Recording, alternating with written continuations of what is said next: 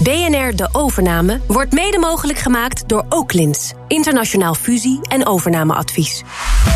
BNR Nieuwsradio. BNR De Overname. Paul van Liemt. Vanuit de scheepvaart stapte de Rotterdamse ondernemer Joost de Ruiter in de wereld van de online reisbureaus. En helemaal soepel ging dat niet. Want keer op keer moest hij meer investeren in de vakantiediscounter. Op het randje van de afgrond begint het bedrijf te draaien en wordt het succesvol als nooit tevoren.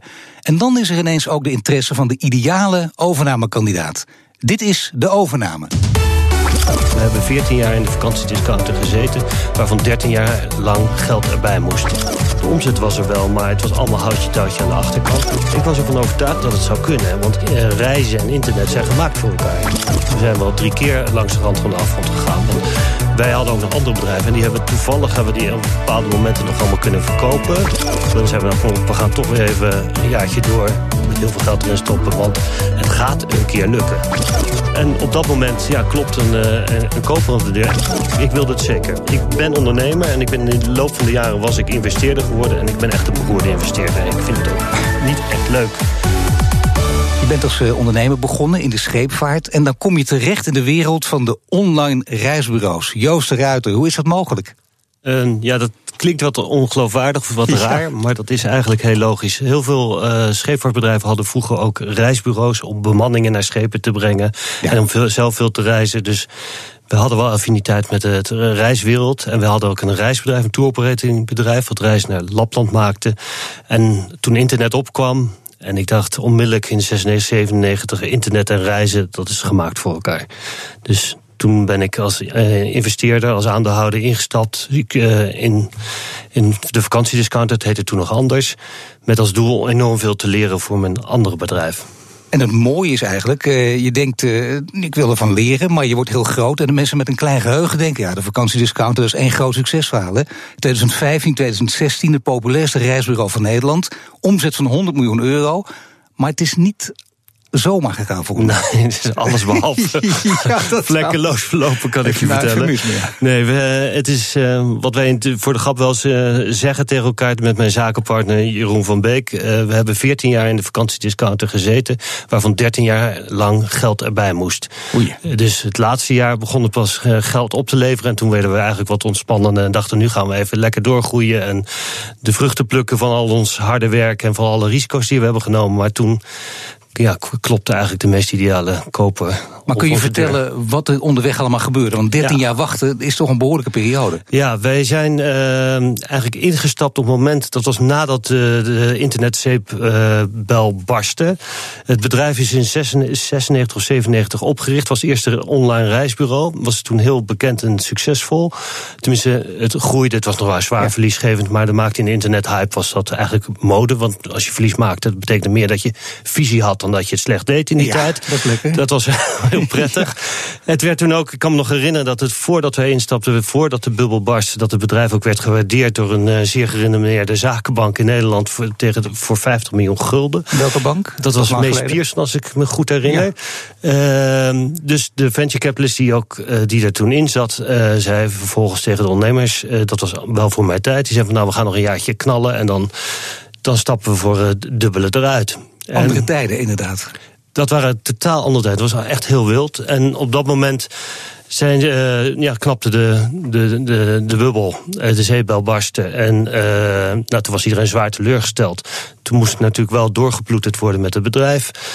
De ondernemers kregen wat discussie op zijn zacht gezegd met de, met de investeerders, met de venture capitalists. En ja, toen kwamen wij toevallig, uh, kwamen ze met ons op, op de zacht gezegd, dat is echt elkaar de hok uitvechten. Ja, nee, dat is Tot echt. Dat is, dat, ga ik nu. Uh... Nee, dit was, dit was echt wel een klokpartij. Dit was. Ja. Uh, je kunt het, als ik het heel grof mag zeggen, het is een beetje de spreadsheet koningen ten opzichte van de, de wat dromige, emotionele ondernemer.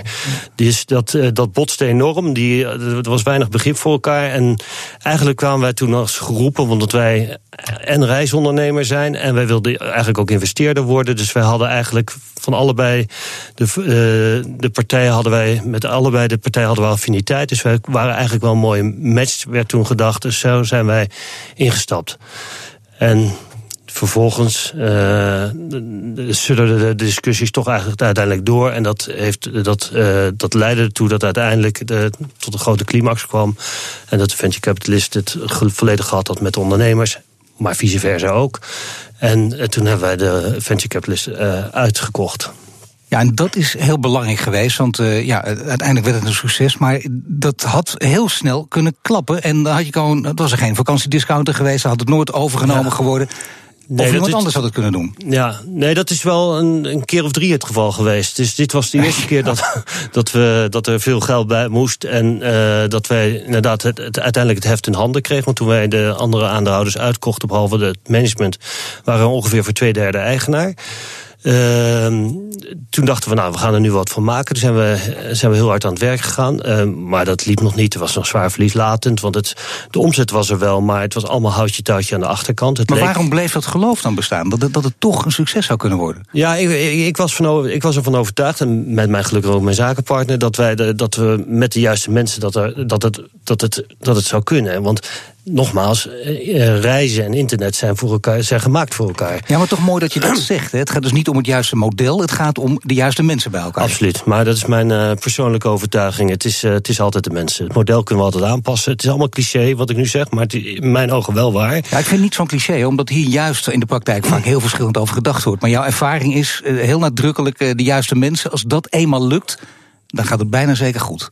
Ja, het is wel, duurt altijd veel langer dan je denkt. Het kost ook allemaal veel meer geld dan je denkt. Maar het, gaat, het komt wel goed. Dat is mijn, mijn overtuiging. Het is, want het model kun je gewoon wijzigen. Maar, maar slimme mensen jouw model, je Natuurlijk, maar ik denk wel voor jouw model. Als ik uh, hoe, hoeveel geld het gekost heeft. Je hebt wel hele diepe zakken nodig. Ja, en daar we hebben we een paar keer ontzettend geluk gehad. Daarom zei ik uh, eigenlijk, of, nou, min of meer voor de grap... we zijn wel drie keer langs de rand van de afgrond gegaan. Want wij hadden ook nog andere bedrijven. En die hebben toevallig hebben we die op bepaalde momenten nog allemaal kunnen verkopen. Niet helemaal gepland, maar er moet maar een koper toevallig komen. Die geld heeft in het wil. Waardoor we toch weer middelen hadden. En zeiden we, nou kom op, we gaan toch weer even een jaartje door met heel veel geld erin stoppen. Want het gaat een keer lukken. En dat duurde natuurlijk allemaal veel langer dan gepland. En Uiteindelijk lukt het wel. Hè? En, en, je hebt ergens ook geduld, niet alleen diepe zakken, maar ergens ook geduld vandaan gehaald. Waar, waar, want je lijkt me ook niet de man die, die heel rustig achterover gaat zitten en zegt: Nou, laten we eens twee jaartjes afwachten, kijken wat er gebeurt. Nee, het ging meestal met periodes van een jaar. Dus dan zeiden we: Nou, dit jaar moeten we dit bereiken. En dan viel het natuurlijk altijd weer tegen. En dan zeiden we: Nou ja, oké, okay, uh, er zijn wel goede argumenten waarom het tegenvalt. Laten we toch nog een jaar doorgaan. Maar op een gegeven moment zeiden we: Nou ja, eh, waren wij ervan overtuigd op een gegeven moment: Ja, met deze groep mensen gaat het niet lukken.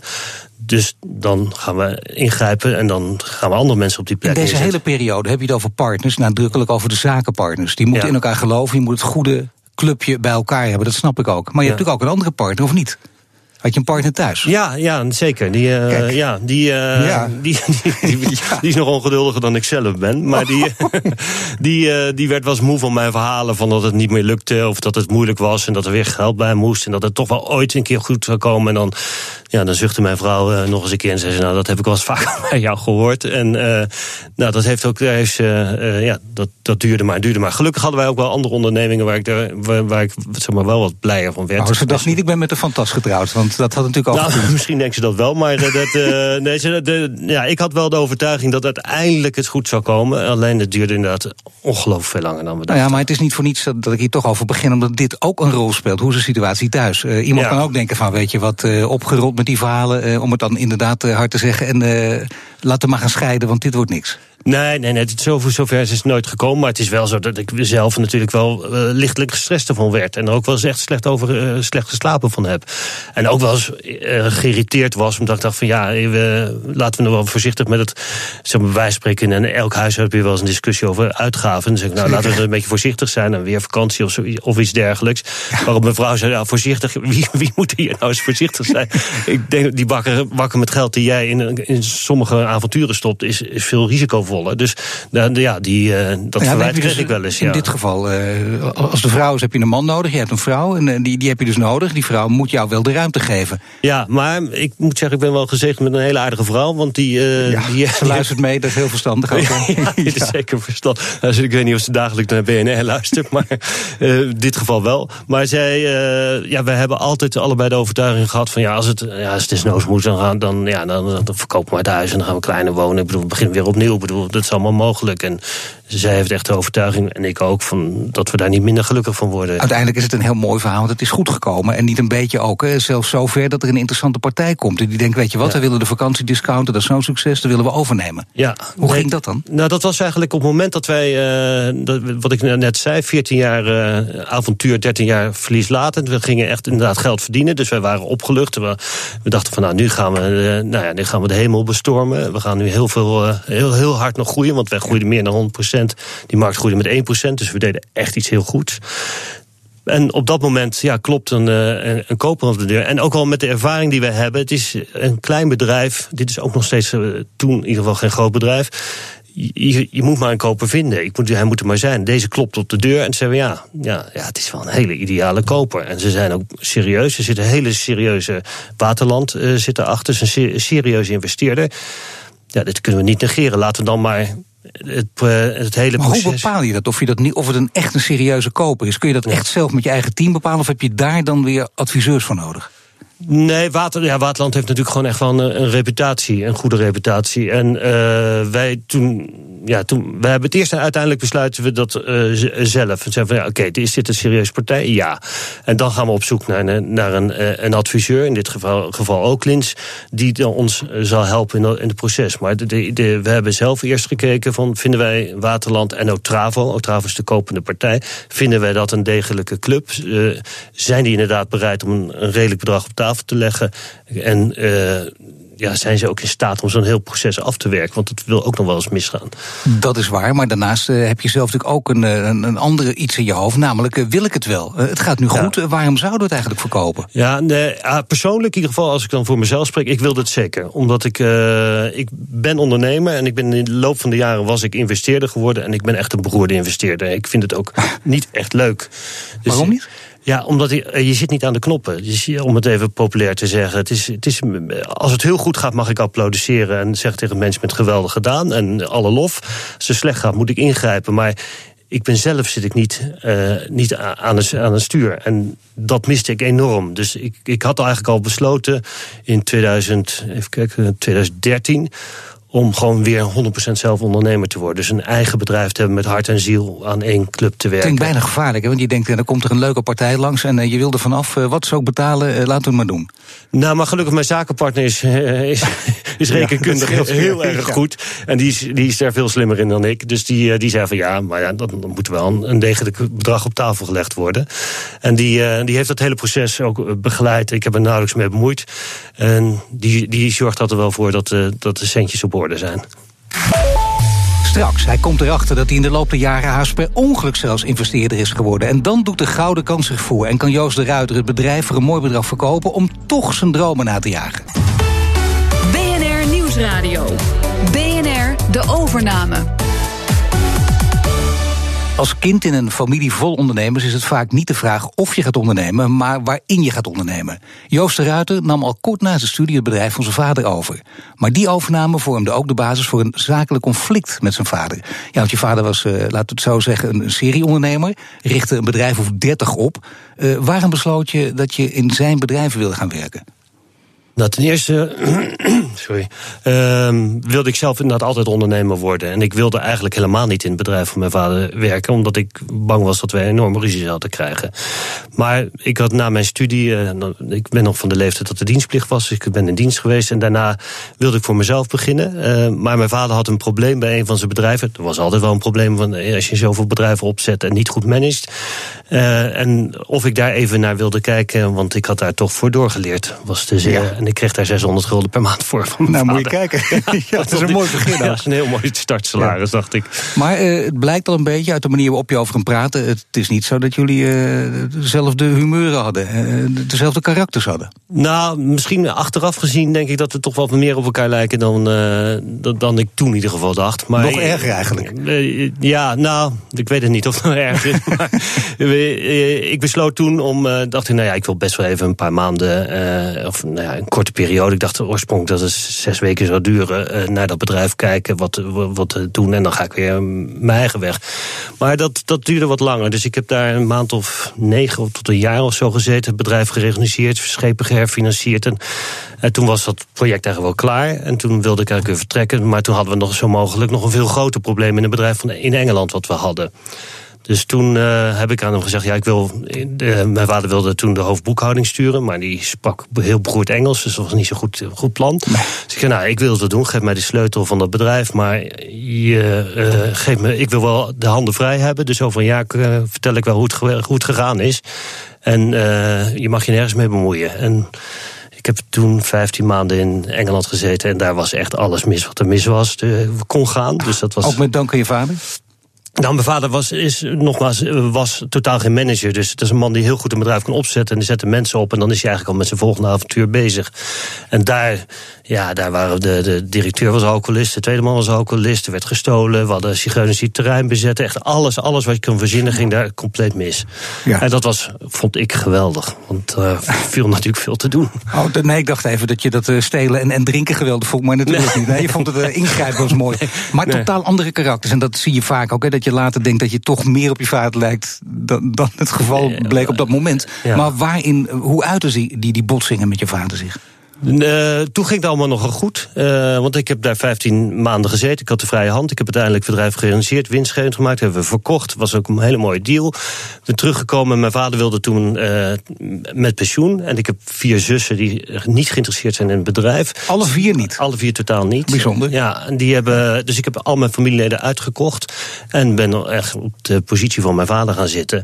En mijn vader werd commissaris bij het bedrijf samen met mijn oom en een paar vrienden van hem, om het zo maar te schetsen. En uh, ja, dat ging heel snel mis. Want uh, ja, mijn vader bemoeide zich nog met het bedrijf. En dat vond ik hoogst irritant. Want Kun je iets zeggen wat voor type jouw vader was? Hoe, hoe... Mijn vader is echt een uh, patriarch. Het is echt een conservatieve dictator. Zoals ja. ik uh, in, in, de familie daar was. Echt. Mag Hij ik je even onderbreken? Want en je zegt, ik, ik moet achteraf zeggen dat ik op een blijk betekent dat jij ook een conservatieve nee, dictatoriale nee, dat, dat op zich niet. Maar ik, ik zie vooral het commerciële aspect van mijn vader. Als mijn vader wel zijn onderhandeling zie, zag. En ik, als ik hoor praten en ik, zag zijn, ik zie op welke manieren zijn ja. handen beweegt. Ik doe exact hetzelfde. En dat, dat, vind, dat heb ik een tijd heel irritant gevonden. Maar nu vind ik dat niet meer irritant. Ja. Nee, maar dat ja. daar op dat moment. En uh, zeg maar, vooral de commerciële en het, het, zeg maar, het koopmansgedrag en het ondernemende. Dat, dat, dat, daar lijk ik erg op hem. Maar toch een conservatieve patriarch met dictatoriale trekjes als commissaris. Ook nog je vader. Dat lijkt me niet makkelijk. Nee, maar het was ook echt. Uh, hij komt natuurlijk uit, voort ook uit een andere tijd. Maar dat, dat was ook inderdaad. Uh,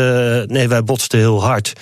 En wij kennen elkaar ook natuurlijk ook wel heel erg goed. Wat wel vaker voortkomt bij vaders en zonen. Maar, dus dat botste nogal, nogal hard. En dat, dat, is, dat, dat botste zo hard dat we uiteindelijk een bindende arbitrage hebben gedaan.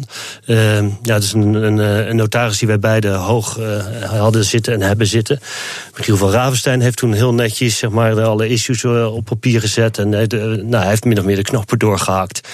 En dat, uh, maar nou, zover moest het komen, omdat jullie gewoon niet meer nee, met elkaar, vochten, wij vochten elkaar de tent uit. Zitten. Ja, en de andere commissaris die nog bij zaten, want er waren ook twee mensen die ik zelf had gekozen, die zeiden: Dit is onhoudbaar, dit, uh, dit, uh, dit kost zoveel energie. We zijn alleen maar met elkaar een oorlog voeren. Terwijl er moet wel wat. Ja, ik wilde gewoon die tent totaal veranderen en moderniseren. Mijn vader die. Ene kant gaf hij me wel gelijk, maar aan de andere kant kon hij het ook niet loslaten. Dus hij liep daar nog wel rond en sprak met allerlei mensen en bemoeide zich met dingen. Dat, Was je uiteindelijk, uh, zeker achteraf gezien, tegen hem opgewassen? Ja, ik denk het wel eigenlijk, als ik eerlijk ben. Ja, ik, uh, en dat was vroeger ook al zo. Ik, ik heb hem altijd wel vrij hard uh, in zijn, ja, direct kunnen zeggen wat ik, van, wat ik van hem vond. En dat ging, er, ja, dat ging er vaak hard aan toe. Heb je het uiteindelijk, hij is overleden, heb je het met, ja. hem, heb je het met hem bij kunnen leggen? Ja, we hebben een paar jaar uh, na deze binnen arbitrage, die vrij uh, embarrassing was, omdat dat ging echt op ja. het niveau van de creditcard inleveren en dat soort dingen.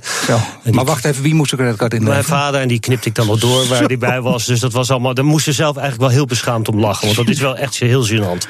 Ja. En uh, dat vonden we zelf eigenlijk ook wel. Maar we moesten, we moesten er eigenlijk ook wel weer om lachen. Want het is, ja. Ja, het is zo stom. Als je dat van iemand anders hoort, denk je, god, wat een bekrompen toestand. Maar wij waren ook zo bezig. Het is heel, ja, het is echt een beetje beschamend.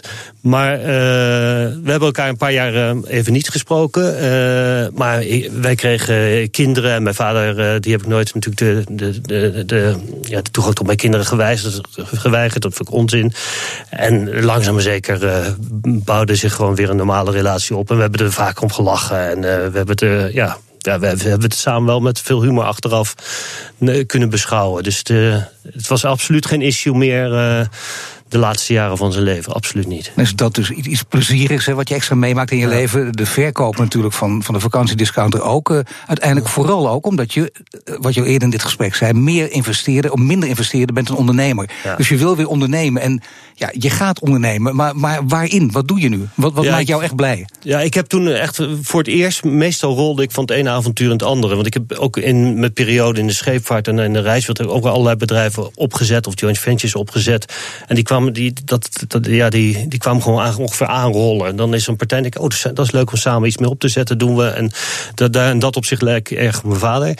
Uh, maar ik dacht, nu ga ik eens een keer bewust nadenken. Dus ik heb er echt bewust uh, over nagedacht wat ik wilde. En ik wilde heel graag een keer een product, een bedrijf, eigenaar van een bedrijf of een bedrijf runnen wat een product maakt. Iets tastbaars. Ik heb altijd in dienstverlening gezeten. Dus ik vond dat heel spannend. En ik wilde een klein bedrijf. Zodat ik, ik ben niet van, ik ben ook helemaal geen goede manager. Dus dan moet je niet 100 man laten leiden of 200 of 300. Dat is, het wordt één puinhoop. Maar een klein team met hele gedreven mensen, dat leek me heel leuk met een tastbaar product. In, en dan liefst, je moet, je moet jezelf een beetje makkelijk maken, ook graag in een groeimarkt. En ook, ik wil ook heel graag internationaal werken. Hou dus, me niet lang in spanning. Wat is het? Nou, het is HI geworden. Dat is een bedrijf wat onbemande helikopters maakt. Ja, zo. Ja, het wordt ook wel drones genoemd. Maar ik wou net zeggen, ja. Drones klinkt nog veel leuker natuurlijk. Want dan denk je meteen wat spannend, onbemande helikopters. Waarom precies dat? Is dat uiteindelijk een toeval geweest? Of nee, ik heb naar meerdere bedrijven gekeken. Maar ik heb ook wel eens naar een deurenfabrikant in Noord-Holland gekeken. Maar daar kreeg ik... Na een, ja, ik ben vrij snel enthousiast. Maar na, drie, na een nachtje slaap was ik al helemaal niet man. Zo was ik het zelfs al vergeten. maar dit bedrijf, ik, ik ontmoette de, de ondernemer. De man die het heeft opgezet. En eh, ik dacht van nou, het zal wel, wel wat overdreven zijn wat hij allemaal vertelt. Dat was het ook zeker, achteraf gezien. Maar ik heb gewoon twee, drie nachten niet kunnen slapen van opwinding. Dus ik dacht, ja, dit moet ik gewoon doen. Ik vind het zo mooi. Ik, uh, ik vind het product mooi. Het is internationaal. Het is een groeimarkt. Is... Als ik nu naar je kijk, die opwinding is er nog steeds. Dus het is een goede keus geweest ook. Dat is het. Maar in, in welk stadium verkeer je nu met het bedrijf? We zijn vier jaar geleden ben ik uh, mee begonnen. We zijn eigenlijk uh, drieënhalf jaar geleden totaal opnieuw begonnen. Dus we hebben alle oude modellen weggegooid. En we zijn letterlijk opnieuw gaan ontwikkelen. Dat duurde ook weer, zoals altijd, veel langer dan we dachten. We dachten, dat doen we in anderhalf, twee jaar. Het heeft ook vier jaar geduurd. Maar hebben nu een mooi product. We verkopen het wereldwijd. Het uh, begint nu te lopen. En uh, ja, ik vind het ongelooflijk spannend om daarbij te mogen en zijn. En ook hier hangt het weer af van de mensen. Dat zeg je steeds. Dat is bijna een rode draad in dit verhaal. Niet het model, maar de mensen. Geldt het ook voor dit bedrijf? Ja, weer? maar ik geloof dat dat altijd het geval is. Elke onderneming. Een, een, een businessmodel, je hoort er een eindeloze theorie over. Maar dat kun je altijd wijzigen je moet de juiste, mensen hebben. En die ook bereid zijn met elkaar hard te werken. En ook bereid zijn om. Maar die heb je hier dus ook gevonden in dit bedrijf? Ja, ja ook, uh, ook echt wel met, uh, met het nodige geluk. Maar die hebben, ja, die hebben we zeker gevonden. We hebben echt een heel mooi team. Wat, uh, ja, met ook hele verschillende talenten. En dat is ook ontzettend leuk om te, merken, te werken met mensen die bijvoorbeeld heel goed in plannen. De ander is heel goed in design. Ik heb natuurlijk mijn zakenpartner Jeroen van Beek. Dat is een een wizard op, op, op financieel gebied. Dus we hebben echt een heel sterk team. En dat vind ik heel leuk. Want wij, wij discussiëren continu op de inhoud. Gaat ook heel vaak heel hard toe en heel direct. Maar dat is heel plezierig, vind ik. En dat hebben wij bij High ook zeker. En nu begint het ook te, eh, te lopen. Dus het is, uh, ja, het is ongelooflijk spannend om erbij te mogen zijn. En dan hebben we nog een vraag van de ondernemer die we vorige week te gast hadden. Dat was Elke van Koten van het dance label Spinning Records. En hij heeft deze vraag voor je. Wat is nou het, uh, het allerleukste wat je hebt ervaren tijdens de verkoop? En wat is dan het, uh, het minst leuke wat je hebt ervaren tijdens de verkoop? Nou, twee vragen. Het, ja, het allerleukste vind ik natuurlijk aan de onderhandelingstafel zitten. Dus in de ogen kijken van de koper en kijken van nou, waar, zit, waar zit de rekker nog in en waar hebben we hem echt op, op, het, op een pijnpunt. Dus ik vind het psychologisch aspect van onderhandeling het aller, allerleukste. Mijn zakenpartner vindt het meer het financiële deel leuk, maar ik vind het psychologische aspect erg boeiend. En het minst leuke, ja, dat antwoord heb ik ook al net gegeven, is ja, het cijfermatige gedeelte. Daar, daar, uh, ja, ik heb allemaal keurig allemaal financiële vakken op de universiteit gedaan, maar mijn gedachten die uh, gaan alle kanten op. Als het moment als we het over uh, cashflow en disc, discounted cashflow calculations en weet ik veel wat en waarderingen, dat, dat, dat, ja, dat klinkt stom, maar dat boeit mij wat minder. Ja, herkenbaar. En dan mag je nog een vraag stellen aan de gasten die hier volgende week zit. Dat is Felix Goedman. Hij verkocht zijn rondvaartbedrijf Canal Cruises. verkocht hij aan het Zweedse bedrijf Stromma. Wat wil je van Felix Goedman weten? Ja, wat ik erg boeiend aan hem vind is dat hij het bedrijf zelf heeft opgezet van begin af aan. Ik vind het ook boeiend dat hij in de reiswereld en in de scheepvaart actief is, waar ik ook actief ben geweest. Maar waar ik me afvraag, misschien wordt die vraag ook in het programma wel gesteld, is uh, verkoopt hij het niet veel te vroeg? Want hij is denk ik een jaar of zestig en ik denk, het maakt een fit indruk op eh, YouTube in ieder geval. en ik denk dat uh, het is zo ontzettend leuk om totaal gefocust en vol passie met één ding bezig te zijn. De man heeft veel andere interesses, maar ik denk, ik vraag me af of hij hij die focus en die totale dedication voor één bedrijf, of die dat niet gaat missen. Ik dank je voor dit gesprek. En dit was de overname met Joost de Ruiter van de vakantiediscounter. En de uitzending is terug te luisteren via bnr.nl slash overname, de BNR-app of stream ons via iTunes of Spotify. BNR De Overname wordt mede mogelijk gemaakt door Oaklins, internationaal fusie- en overnameadvies.